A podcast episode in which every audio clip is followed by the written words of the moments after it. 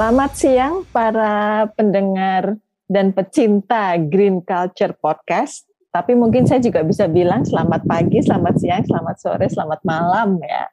Tergantung kapan Anda mendengarkan podcast ini.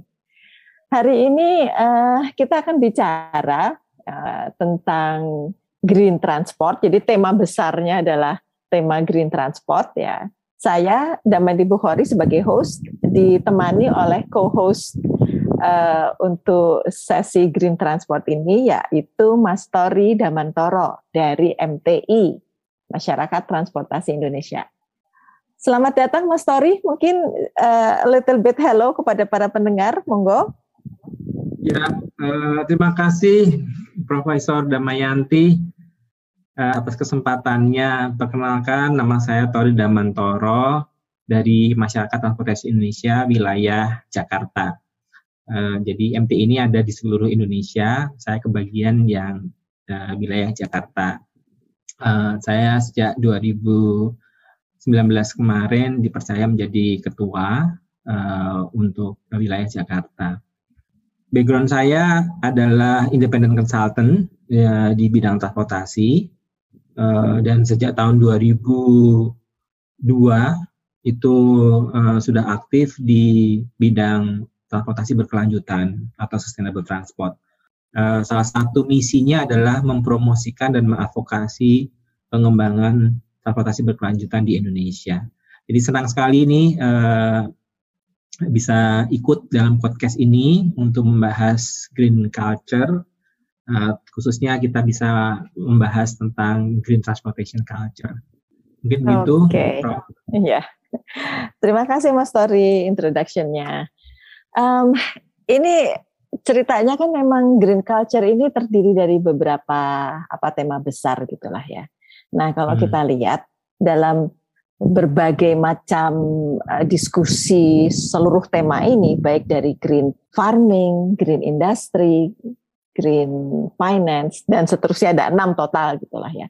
Itu ternyata ada satu common theme ya, ada uh, apa ya isu yang selalu kembali mencuat ya, apa pun topik yang kita diskusikan. Dan itu adalah tentang behavior perilaku ya. Jadi ternyata ketika kita bicara tentang bagaimana membangun green culture budaya hijau itu kita mau nggak mau kembali kepada perilaku behavior itu sendiri.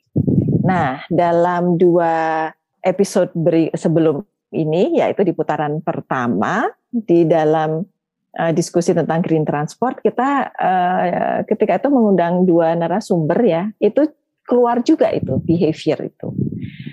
Um, jadi uh, ya kalau kita bicara tentang budaya memang pasti ujungnya uh, balik lagi kepada perilaku itu.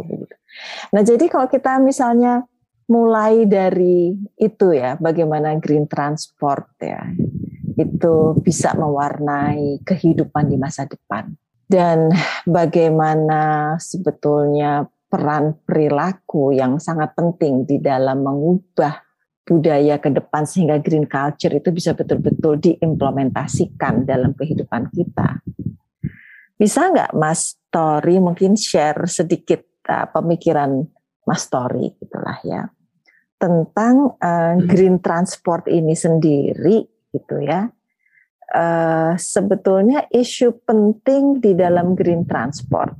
Konsep-konsep apa gitu yang seharusnya kita pahami di dalam green transport ini. Mungkin itu kita mulai dari situ aja dulu, Mas Tori. Monggo.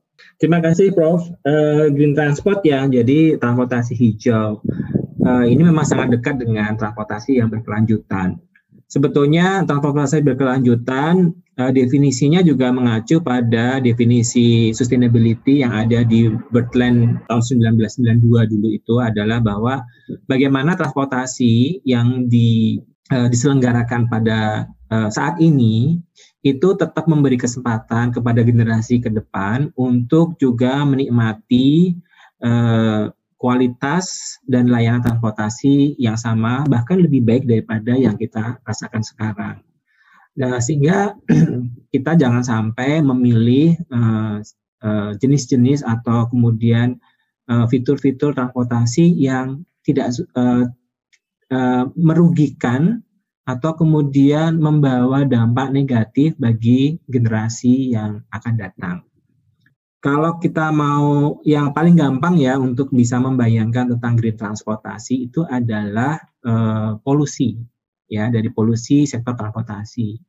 Kita ketahui bersama bahwa sudah banyak kan kajian-kajian uh, begitu yang mengatakan bahwa transportasi ini menyebabkan kemacetan Nah, kemacetannya itu menyebabkan pemborosan BBM. Jadi subsidi yang ratusan triliun itu habis dibakar di dalam kemacetan.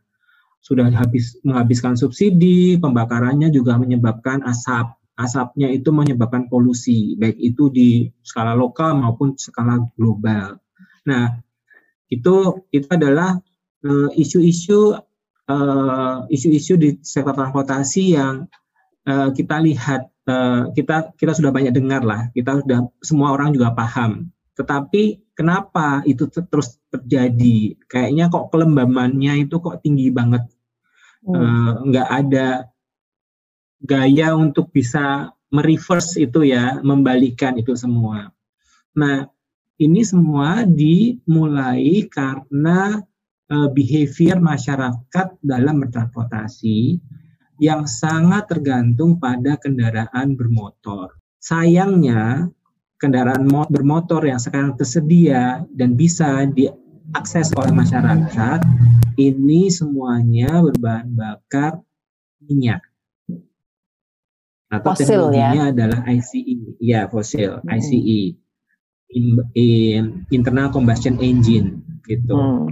Sehingga ya semakin makmur kan semakin orang semakin banyak bepergian kan, uh, Prof. Uh, jadi transportasi itu pasti turunan lah kebutuhan. Nggak ada orang kemudian tiba-tiba keluar naik motor terus kemudian ditanya mau ke mana? Ya pengen naik motor aja gitu kan nggak ada ada loh anak-anak muda muter-muter ya ngabuburit ya. gitu kayaknya gitu tetapi sebetulnya kebutuhannya adalah kebutuhan sosial Okay. Kan begitu. Iya iya benar ya, Prof. Iya kan? Ada kebutuhan sosial mau uh, wakuncar, wakuncar oh. udah, udah nggak tahu. Anak zaman sekarang nggak tahu tuh wakuncar apa ketahuan ini, Mas Tori. Angkatan berapa ketahuan nih? Angkatannya ketahuan deh jadi. itu anu atau tahu kalau zaman sekarang tuh mau cari-cari keriaan nah, itu. okay.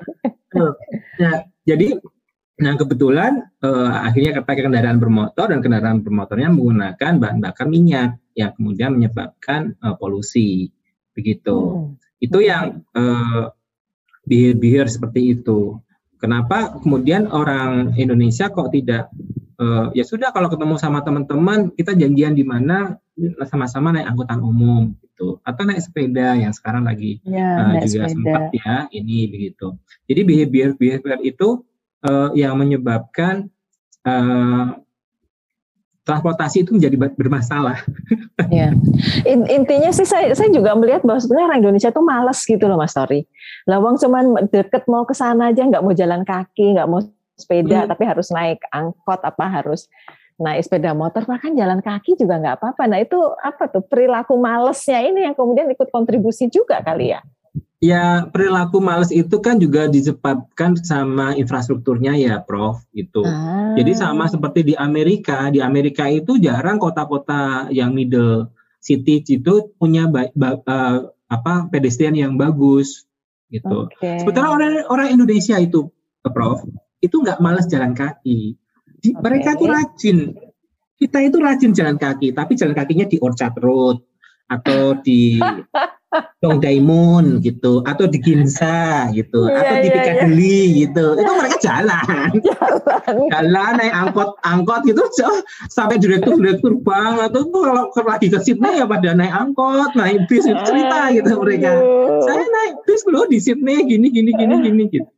Ya kita itu punya pedestrian yang bagus kayak di uh, Sudirman sekarang itu ya baru berapa bulan kan hitungannya ada kan budaya itu kan mem membentuknya kan itu butuh waktu yang agak panjang gitu. iya.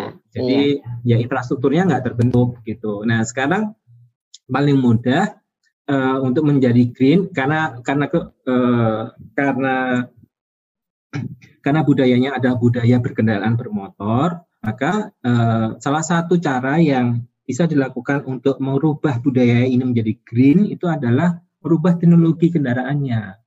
Begitu. Hmm. menjadi yang lebih ramah lingkungan. Minimal okay. tidak mengeluarkan polusi lokal. Itu itu kan? Okay. nah itu pilihannya seperti banyak. seperti apa? Seperti apa hmm, itu? nah, ya. Yang pertama adalah eh, kalau sudah ada jalur sepedanya ya naik sepeda. Mm-hmm. ya kan? Jod, gitu. Terus kata kalau kemudian pedestriannya sudah bagus ya jalan kaki kalau kemudian pedestriannya bagus dipakai PKL ya PKL-nya di dikasih Singkirin. tahu. Uh, maksudnya kita sebagai pengguna juga enggak uh, enggak diem aja, ikut ikut berpartisipasi gitu loh. Enggak semuanya hmm. enggak semuanya itu di, bisa diososkan ke pemerintah gitu. Betul. Kalau masyarakatnya bisa bi bilang dengan baik gitu, Pak jualan bakmi gorengnya agak minggir boleh nggak? Biar saya hmm. bisa jalan gitu.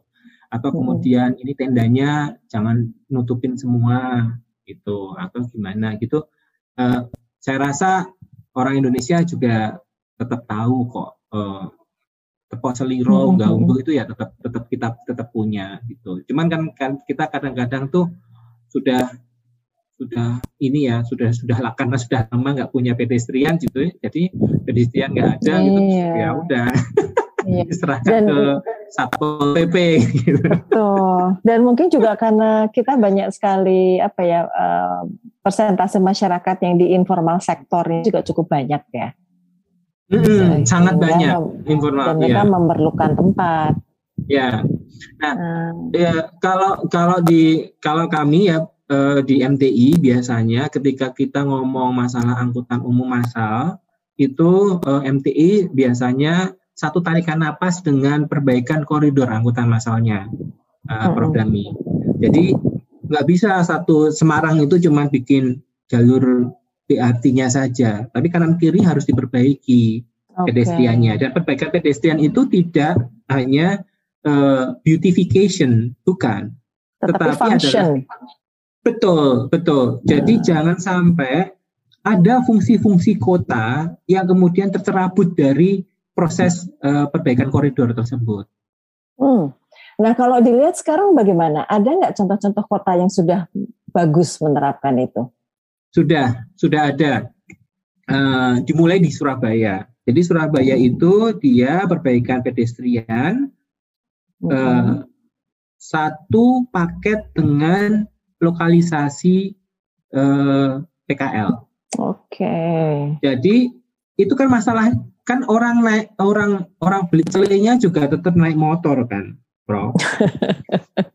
iya kan? Iya, iya. Enggak jalan kaki atau ngesot gitu kan enggak kan?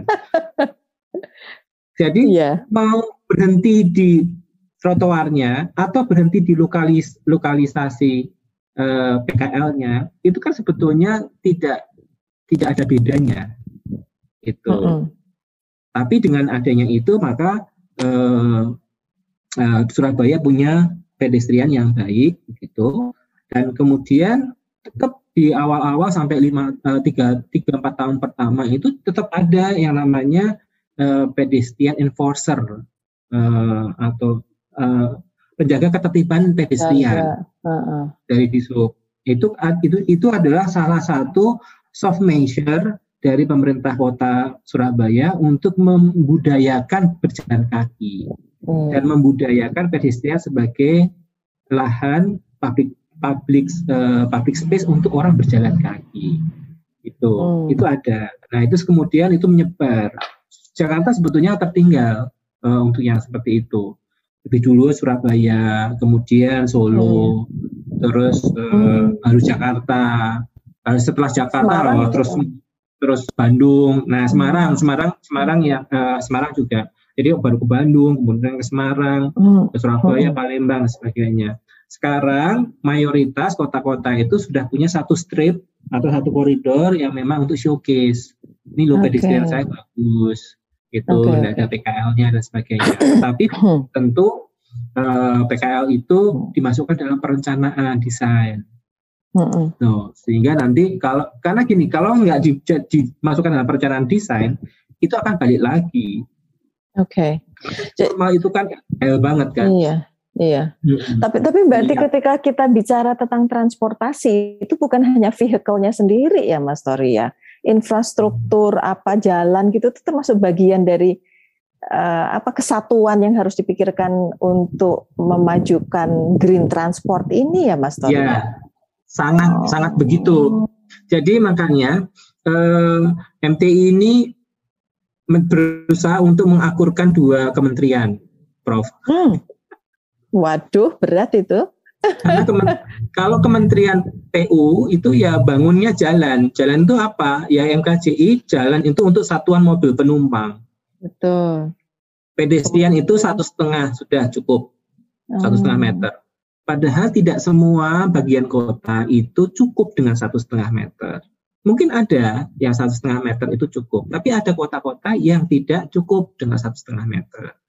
Ada yang butuh tiga, ada yang butuh lima, begitu. Okay. Itu apakah ada yang butuh ditutup sama sekali jalannya, begitu. Mm -hmm. Nah itu itu sekarang sudah mulai uh, sudah sudah mulai paham eh, teman-teman uh, PU untuk hal itu karena juga membuka semua jalan untuk uh, kendaraan bermotor itu at the end of the day uh, akan merepotkan mereka juga.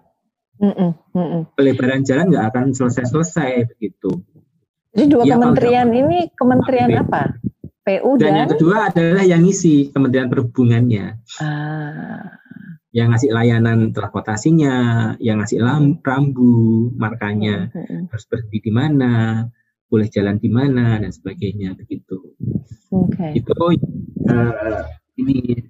Nah ini green transport ya, terutama untuk hmm. yang uh, di perkotaan. Nah kembali lagi ke ke green transport uh, tadi, uh, apa yeah. yang bisa kita lakukan gitu. Karena begini, ini kan Indonesia itu diprediksi bahwa di tahun 2030 akan eh, 60 persen penduduknya akan tinggal di perkotaan. Hmm, Jadi itu akan padat, akan padat dengan manusia. Nah kalau manusia itu eh, di perkotaan kan memang biasanya lebih aktif daripada di pedesaan ya, karena kegiatannya jasa, perdagangan, eh, kemudian eh, industri. Jadi lebih mobile lah, lebih lebih banyak bergerak gitu. Nah, kalau semua pergerakan itu dilayani dengan kendaraan bermotor, apalagi mobil yang space-nya sangat besar begitu, nanti kotanya tuh akan habis uh, jadi jalan. Oh. Kayak yang kita lihat di Amerika gitu. Jadi sudah sudah nggak skala kota. Padahal kalau kita semua uh, orang-orang Indonesia itu bayar mahal-mahal ke Santorini, mahal-mahal ke Madrid, ke Barcelona, itu karena kita seneng lihat kota ke Amsterdam, ke kota-kota Eropa begitu ya. Itu seneng karena apa? Karena semuanya skala manusia. Mm -hmm. Bukan skala untuk mobil-mobil gitu, enggak.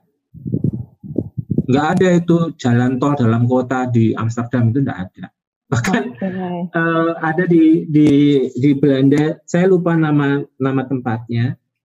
Zaman dulu itu adalah kanal. Kemudian kanalnya diuruk dijadikan uh, jalan highway. Nggak bayar ya jadi bukan tol terus akhirnya sekarang di, dibongkar lagi highwaynya dijadi dibalikin jadi kanal. Wah mahal banget bolak-balik. Itu Uh, ya, tapi kan span uh, span waktunya kan ini uh, 100 tahun, Mbak. Oke.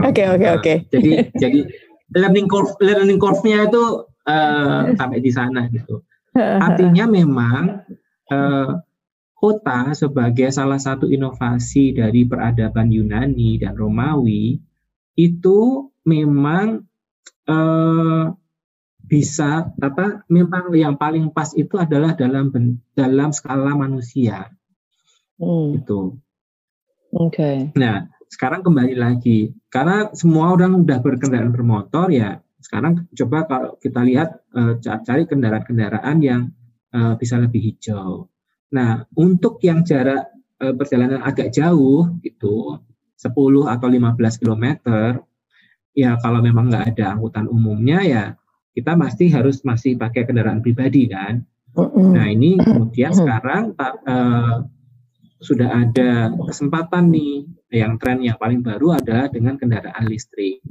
gitu. Ah, okay. Walaupun memang kendaraan listrik ini masih menuai pro dan kontra. Bahkan dari kalangan uh, pegiat lingkungan sekalipun itu uh, kritik terhadap kendaraan listrik itu juga tidak henti-hentinya.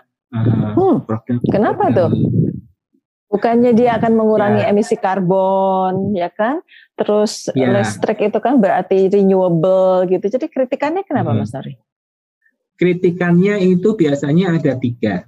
Yang pertama adalah uh, sumber listriknya.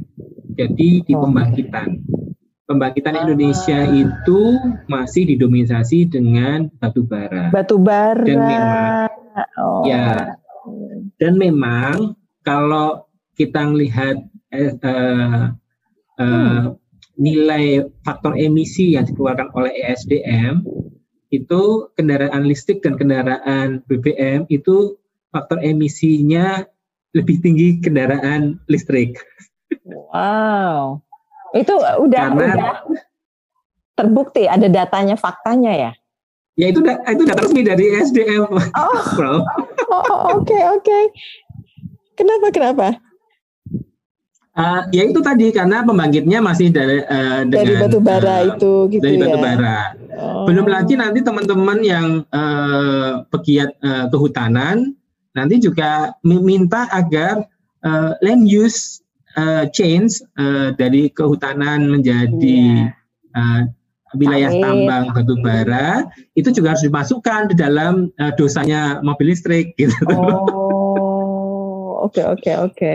Itu paham. Itu satu ya, yang satu. Yang kedua adalah baterai. Jadi teknologi baterai itu eh, teknologi baterai adalah termasuk teknologi yang tidak ramah lingkungan atau belum ramah lingkungan. Masih apa? Eh, menghasilkan menghasilkan limbah B3 dan sebagainya gitu. Itu ah. concernnya ya. Iya iya iya iya. baterainya ya. Terus yang ya yang ketiga eh, yang ketiga adalah eh, secara manufacturing ya dia kan sama-sama kendaraannya juga jadi nggak ada nggak ada bedanya dengan kendaraan kendaraan yang non listrik gitu jadi sama saja tidak ada uh, edit value-nya begitu itu hmm. itu tiga kritik utama yang diberikan kepada listrik uh, ini walaupun walaupun ya uh, ada beberapa hal yang juga sering kali dilupakan. Uh, keunggulan-keunggulan mobil listrik yang sering dilupakan. Yang pertama adalah tidak adanya polusi lokal. Uh-huh. Memang benar listriknya mungkin masih men, uh, pembangkit listriknya masih menimbulkan uh, polusi, tetapi polusinya sudah sangat dilokalisir, hanya ditimbulkan di titik uh, tidak dibuang disebar ke seluruh kota seperti mm -hmm. halnya uh, kendaraan Fosil. BBM. Mm -hmm. Mm -hmm. Ya, jadi kalau sudah pakai listrik semua tidak ada lagi itu uh, mobile Fungsi sources. Sources adanya ada di, di uh, point sources ya itu. Mm. Uh, terus yang kedua itu adalah penggunaan energi, efisiensi penggunaan energi. Untuk bahkan uh, hybrid sekalipun, hybrid itu klaimnya uh, dari total energi yang dimiliki oleh uh, BBM itu yang bisa dikonversikan menjadi gerak yang digunakan gerak itu hanya 35 persen. Kecil ya? Sementara kalau uh, kecil, oh kecil, itu itu itu udah hybrid loh, okay. uh, Prof.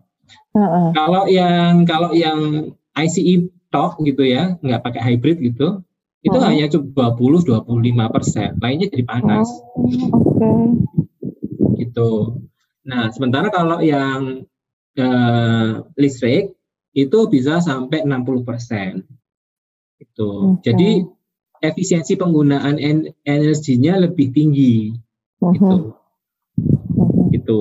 Nah, itu yang itu itu sering sering sering dilupakan uh, oleh uh, para oposan dari listrik begitu.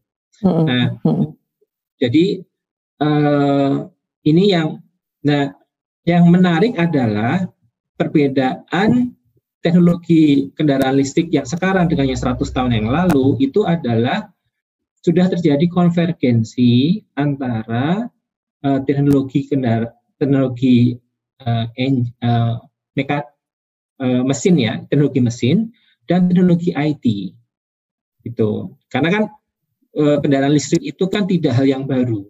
Tahun 2000 tahun 1904 uh, itu juga 40 persen 40 persen uh, populasi kendaraan di Amerika itu adalah listrik kendaraan listrik mobil okay. listrik. Jadi bu bukan hal yang baru. Nah yang baru yang sekarang yang dilakukan oleh Elon Musk uh, dan uh, memaksa semua uh, uh, produsen listrik itu adalah menggabungkan antara uh, teknologi mesin dan teknologi IT. Makanya ada yang semi automa, autonomous ya, semi otomatik gitu. Artinya eh, kendaraan itu sudah mulai eh, mempunyai eh, kemampuan untuk mengontrol dirinya sendiri, sehingga kontrol tidak sepenuhnya di eh, dimiliki oleh penggunanya. Nah, istilahnya begini, kalau kendaraan itu di sepenuhnya uh, dikontrol oleh pengguna, maka perilakunya juga akan tergantung pada penggunanya kan. Mm -hmm. Yang naik simbah-simbah ya tunuk-tunuk gitu ya, pelan-pelan gitu. yang naik itu putunya gitu, yang lagi puber ya mungkin 120, 140 gitu jalannya. gitu. Kan okay. gitu ya. Nah, jadi itu sangat sangat sangat apa sangat individualistik. Nah, ketika individualistik seperti itu, maka gang, eh, pergerakan kendaraan-kendaraan yang ada di jalan, jalan raya itu menjadi sangat kompleks, sehingga okay. akan susah untuk dilakukan efisiensi. Ya, berbeda dengan apabila nanti kendaraan sudah otonomus itu masuk uh, misalnya kita dari Bogor mau ke Jakarta begitu sudah bayar tol apalagi tolnya uh-huh. tolnya udah udah nggak ini ya udah nggak tapping ya besok kan uh-huh. free, free flow gitu. Sudah. Terus masuk otonomus ya sudah. Itu nanti rata-rata rata-rata mau kecepatan 80 ya semuanya akan ikut 80 uh, 120 ya 120 begitu. Semua mau mau belok kiri dari dari Bogor ada yang oh tiba-tiba saya harus ke Depok ya tinggal bilang aja mau ke Depok terus kemudian nanti dia sudah tahu melipirnya ke kiri itu mulai gimana hmm. sehingga flow-nya flow-nya kendaraan itu tidak uh, tidak uh, tidak terganggu. Bentar-bentar Mas Tori, mau nanya dulu ini otonomus yang disebut otonomus ini apa nih? Biar otonomus teman-teman itu bisa ya. otonomus itu kendaraan. Jadi gini, ini kalau ada konvergensi adalah teknologi mesin kendaraan okay. dengan teknologi okay. IT. IT oh, atau uh, IT AI. ya, pakai AI, ya pakai artificial intelligence. Jadi ini yang sebetulnya jualan utamanya Tesla itu sekarang ini. Jadi tapi otonomous itu masih ada masih ada sopir kan? Oh iya, uh, kalau yang fully autonomous ya tidak ada lagi. Tetapi kan kita ada, kita tapi tetap di belakang. Kita masih ngomong. Ya, kalau saya bayangan saya tetap se, masih masih masih butuh waktu yang cukup lama ya untuk kemudian kita berani manusia ini berani naik uh, kendaraan tanpa sopir. Tanpa sopir, oke, okay, oke. Okay. Jadi tadi kembali yang disebut otonomus itu kita bisa memasukkan apa, memprogram mobil kita hmm. gitu ya. Kita mau ke Depok, yeah. jadi nanti dia hmm. tahu sekian kilo dia udah melipir ke kiri gitu. Iya, betul, betul. Oh. Jadi, jadi kalau istilahnya itu platuing, platoon Plat, plat, platun ya, uh, platun. Jadi masuk begitu masuk tol itu udah uh, sudah pletu pletuing apa berbaris itu loh mbak, baris masuk masuk ke dalam arusnya itu ya udah dia kita lepas uh, lepas setir dan mereka akan jalan sendiri. Tuh. Itu sudah udah udah teknologinya sudah ada sejak tahun 2010 kemarin, udah udah okay. ada. Itu dan itu tinggal ya sekarang Tesla juga udah banyak uh, sudah selalu pakai itu itu ini Elon nah, Musk ini lagi akan, ngetop banget nih dikit-dikit dari tadi nah, karena karena gini sebenarnya yang dijual Tesla itu bukan kendaraan listriknya saja ya tetapi yang dia yeah. simpan itu adalah operational sistem sistem sistemnya ya dia menjual sistem ya yeah. kali ya uh, iya oh. jadi kalau mbak mbak Dami kan sekarang perangnya adalah antara uh, eh, HP Android sama HP Apple Apple ya kan ya uh. nah si Elon Musk itu membuat uh, operating system khusus untuk kendaraan uh, elektrik. Hmm. Oke. Okay. Jadi ya semua orang bisa aja mau Toyota atau kemudian General Motor bisa aja dia bikin operating system sendiri begitu kayak yeah. Tesla. Tetapi pasti sudah kan ini mereka udah telat 10 tahun dibandingkan Tesla kan. Mm -mm.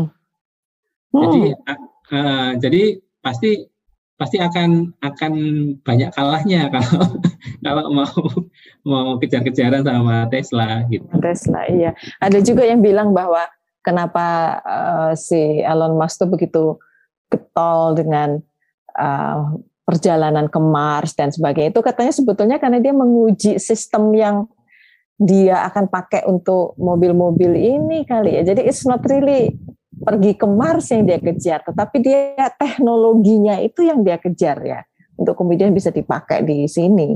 Ada yang bilang gitu sih, saya nggak tahu benar apa enggak. ya, ya mungkin aja, Mbak, eh, karena karena memang memang dia eh, banyak kan agendanya begitu. Tapi untuk yang elektrik eh, eh, kendaraan listrik ini sangat menarik karena yang paling baru uh, kalau saya melihat uh, apa uh, literatur begitu ya, yang terakhir itu uh, yang ditemukan oleh orang-orang pengamat para pengamat tentang Tesla itu adalah di operating sistemnya. Karena karena memang masa depannya transportasi yang hijau itu adalah ketika uh, teknologi gerak ya penggerak itu teknologi penggerak itu dikonversikan dikombinasikan dengan teknologi AI. Oke. Okay. Itu bahkan kemudian AI eh, teknologi AI yang sekarang itu ada yang bisa baca, sudah bisa baca uh, pikiran, hmm. Mbak Dani. Ya, yang seperti yang dipakai oleh uh, Stephen Hawking kan, dia kan cuma batin uh, apa mikir aja, mikir kemudian dituliskan sama mesinnya. Itu sudah ada teknologinya. Iya iya iya.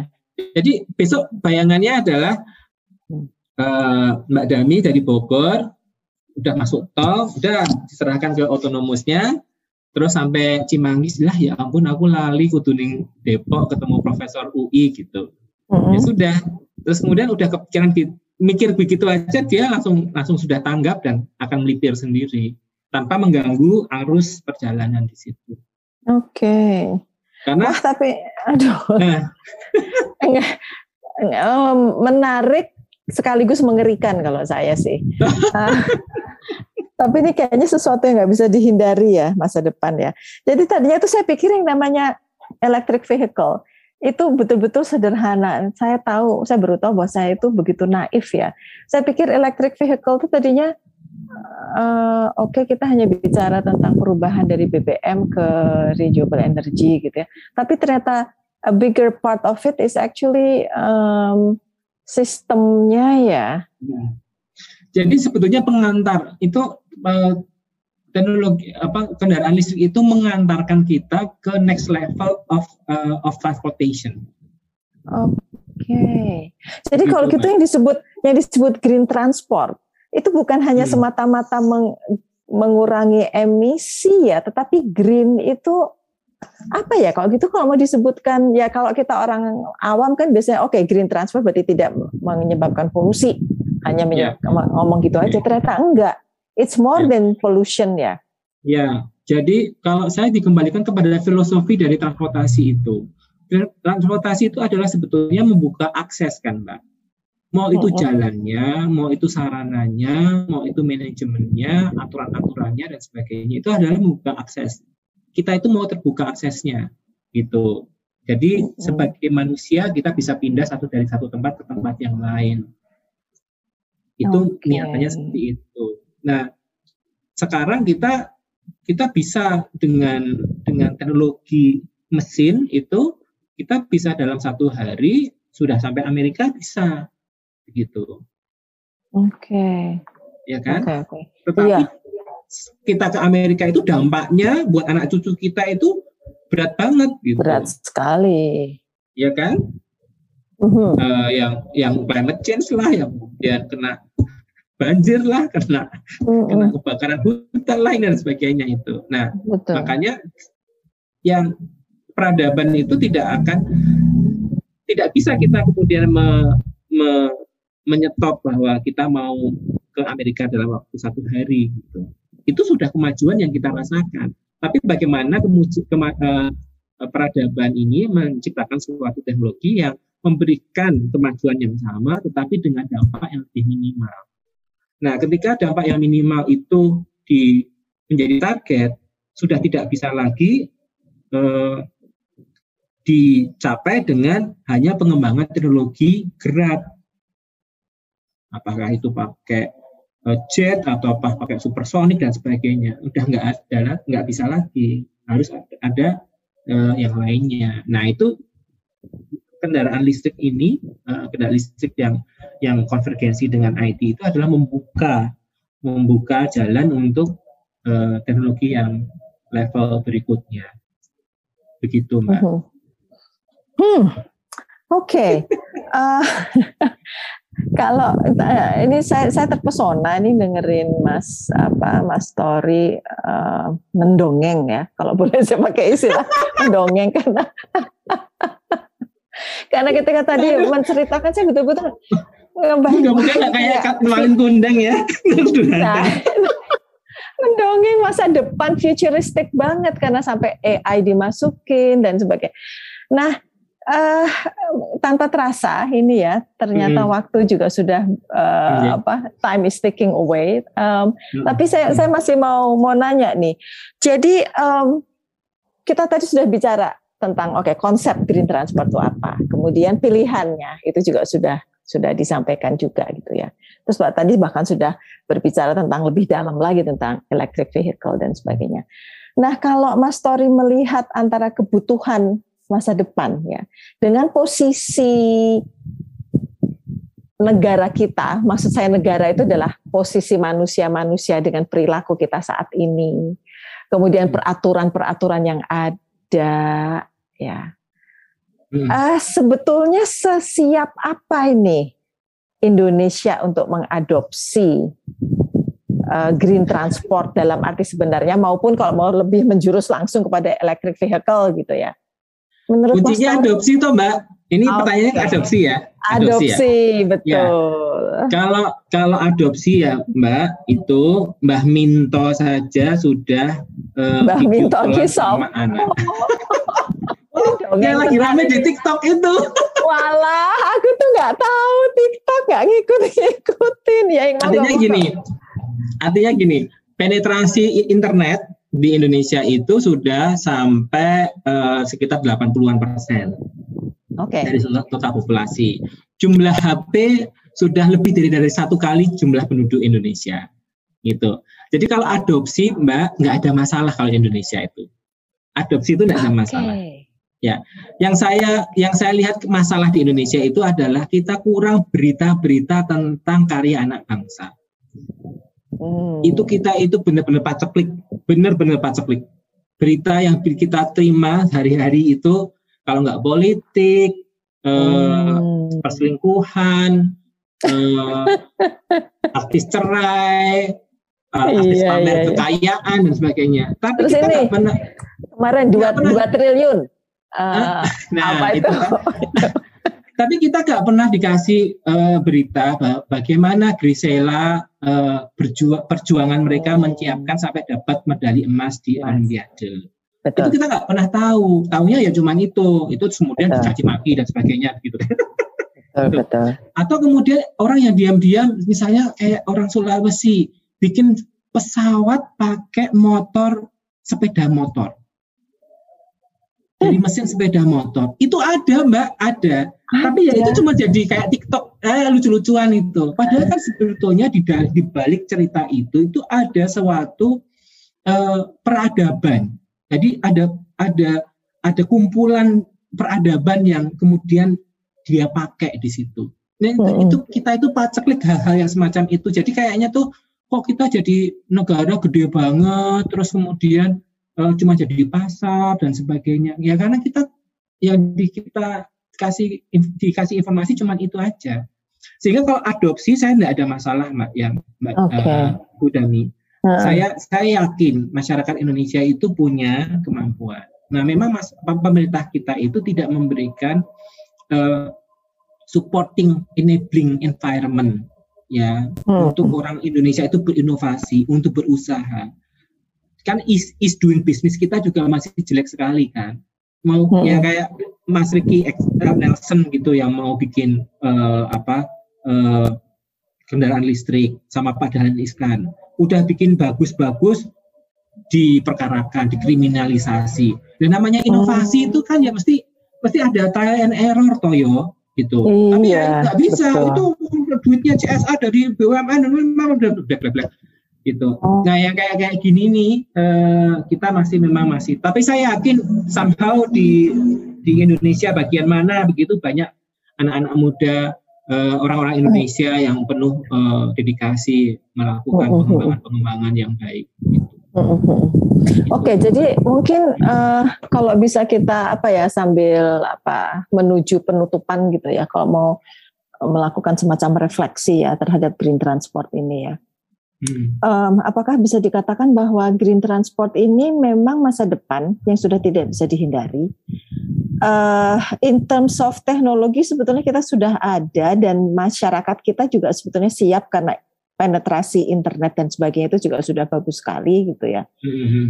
Um, mungkin apresiasi terhadap anak bangsa dan inovasi-inovasi yang muncul ini yang harus lebih banyak digalakkan gitu ya Mas ya. Iya, iya, iya. Saya saya saya setuju seperti itu Mbak. Jadi eh, apakah eh, electric vehicle dan teman-temannya yang green transport yang lainnya itu eh, kita butuhkan? Iya kita butuhkan.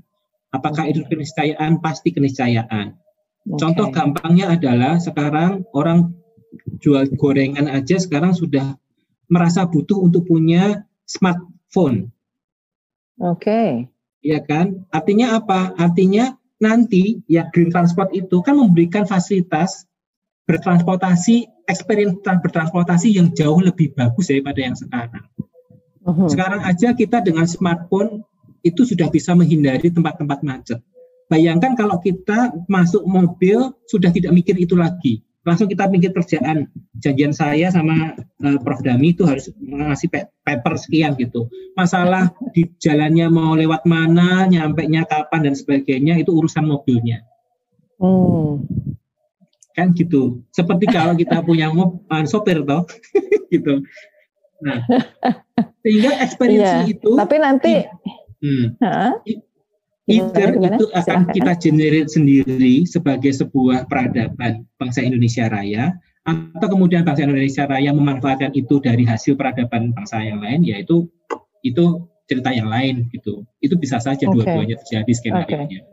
Gitu. Tapi kalau kemudian ada orang mengatakan bahwa kalau gitu menghilangkan pekerjaan sopir dong, berapa oh, juta penduduk ya, itu itu gimana itu mas? Enggak, enggak. Ya ketika ketika dulu uh, uh, mobil tercipta itu semua orang itu pakai kereta kuda, Mbak. Oh iya.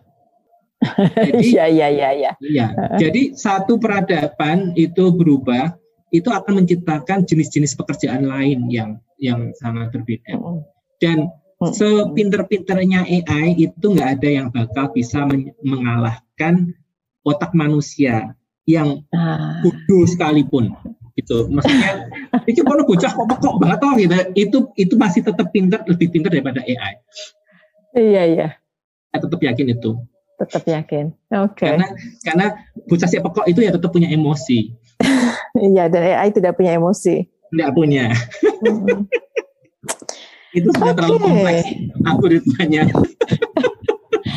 Jadi mungkin uh, pesan apa pesan penutup Mas Tori untuk para pendengar Green Transport ini apa, Mas? Ya, terima kasih sudah mendengarkan uh, podcast ini sampai sekarang, sampai titik ini, gitu. Uh, dan uh, Green Transport itu adalah suatu keniscayaan, uh, tidak akan bisa kita hindari. Uh, baik itu kita kita mendapatkannya dari saudara-saudara kita sebangsa setanah air ataupun kemudian kita mengadopsi dari negara lain, tapi itu akan ada datang. Dan kemudian siapkanlah kita harus bersiap-siap ya semua untuk mengembrace atau menerima uh, green transport ini sebagai tanggung jawab kita untuk uh, generasi yang akan datang. Mungkin gitu, Mbak.